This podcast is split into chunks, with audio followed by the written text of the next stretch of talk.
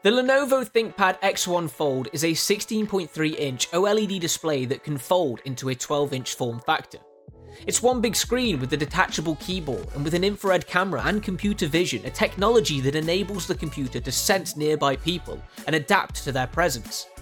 This is clearly aimed at large corporations and people who are very careful about their privacy, as it can block the screen if someone approaches and locks the entire computer when you leave it.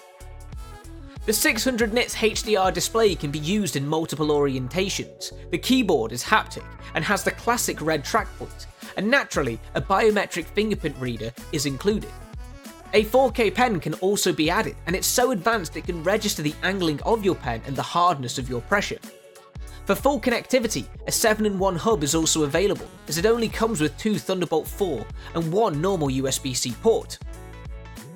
The hardware depends on SKU, but it uses Intel Iris Xe graphics, up to 32GB of memory, and up to 1TB of storage.